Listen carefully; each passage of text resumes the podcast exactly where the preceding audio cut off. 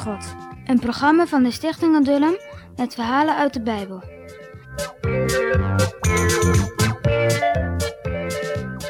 Hallo jongens en meisjes, daar zijn we weer met het vervolg van ons spannende verhaal van Biliam en Balak. Hè?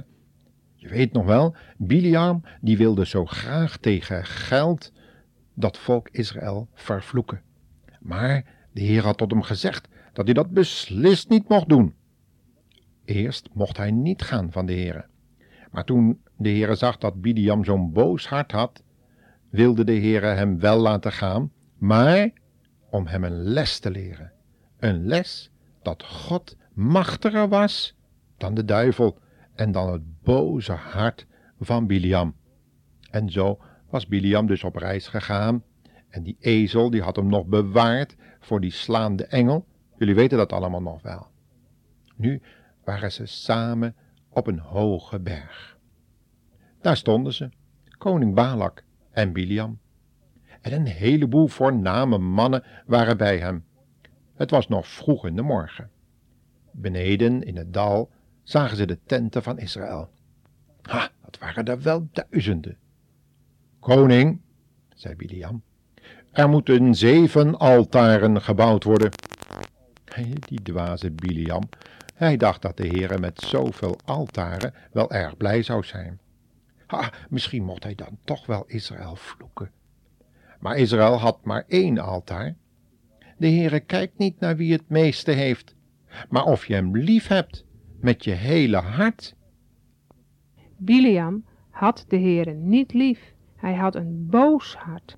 Zo, de altaren zijn gemaakt, Biliam. En wat moet er nu nog meer gebeuren? vroeg de koning. Op ieder altaar moet een koe en een schaap geofferd worden, zei Biliam. Zeven koeien en zeven schapen dus. Goed, dat zal dan gebeuren. Toen alles klaar was, liep Biliam een eindje weg. Hij vroeg aan de heren wat hij nu spreken moest. Koning Balak luisterde goed wat Biliam zeggen zou. Maar wat hoorde hij daar? Biliam zei... Ik kan toch niet vloeken wat de Heere niet vloekt, en ook niet schelden op wie de Heere niet scheldt. Als ik ga sterven, wil ik graag net zo gelukkig zijn als dat volk van Israël.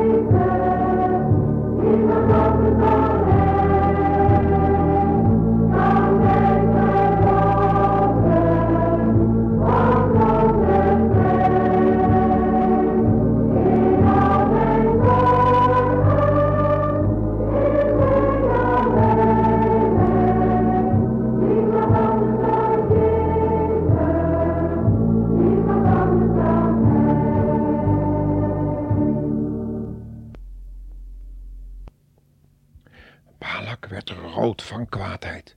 Hou je mond, man, riep hij Biliam toe. Ik heb je toch gezegd om Israël te vloeken, en jij spreekt er alleen maar goed van.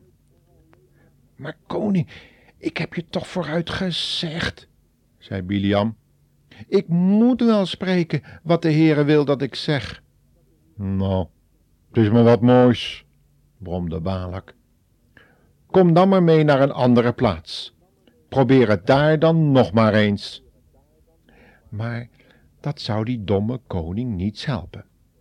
De Heere had Israël lief, en van Balak wilde hij niets weten. Weer werden er zeven altaren gebouwd en zeven koeien en schapen geofferd. Maar de God van Israël keek er niet eens naar. Balak en Biliam dachten zeker dat de Heere ook zo'n beeldgod is als waarvoor zij zich bogen. Bij de Sinaï had de Heer aan Israël toch beloofd dat hij zijn volk beschermen zou. En wat de Heer belooft, dat doet hij ook. En weer zegende Biliam Israël. Hij zei dat eenmaal uit dat volk een koning zou geboren worden. En die zou zijn volk verlossen van alle vijanden. Biliam sprak toen al van de Heer Jezus, die in Bethlehem zou geboren worden.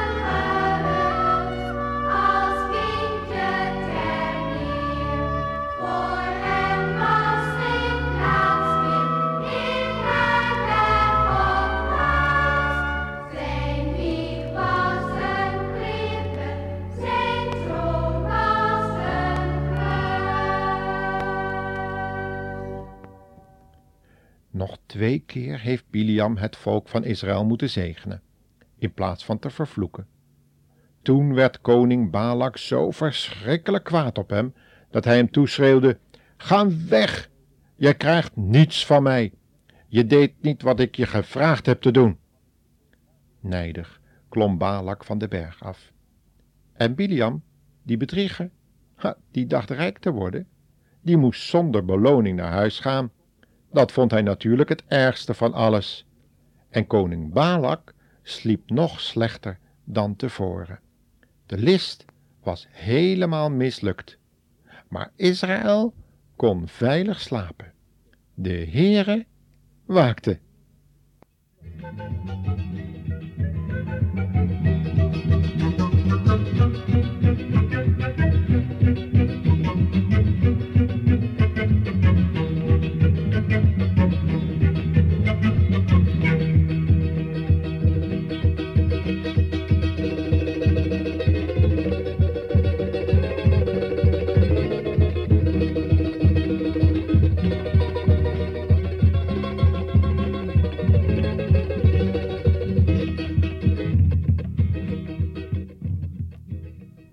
En dan nu de quizvraag, jongens en meisjes.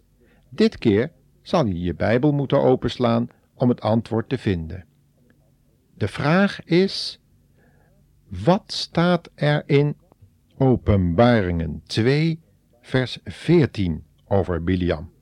Dus nog een keer: wat staat er in Openbaringen 2, vers 14 over Biliam?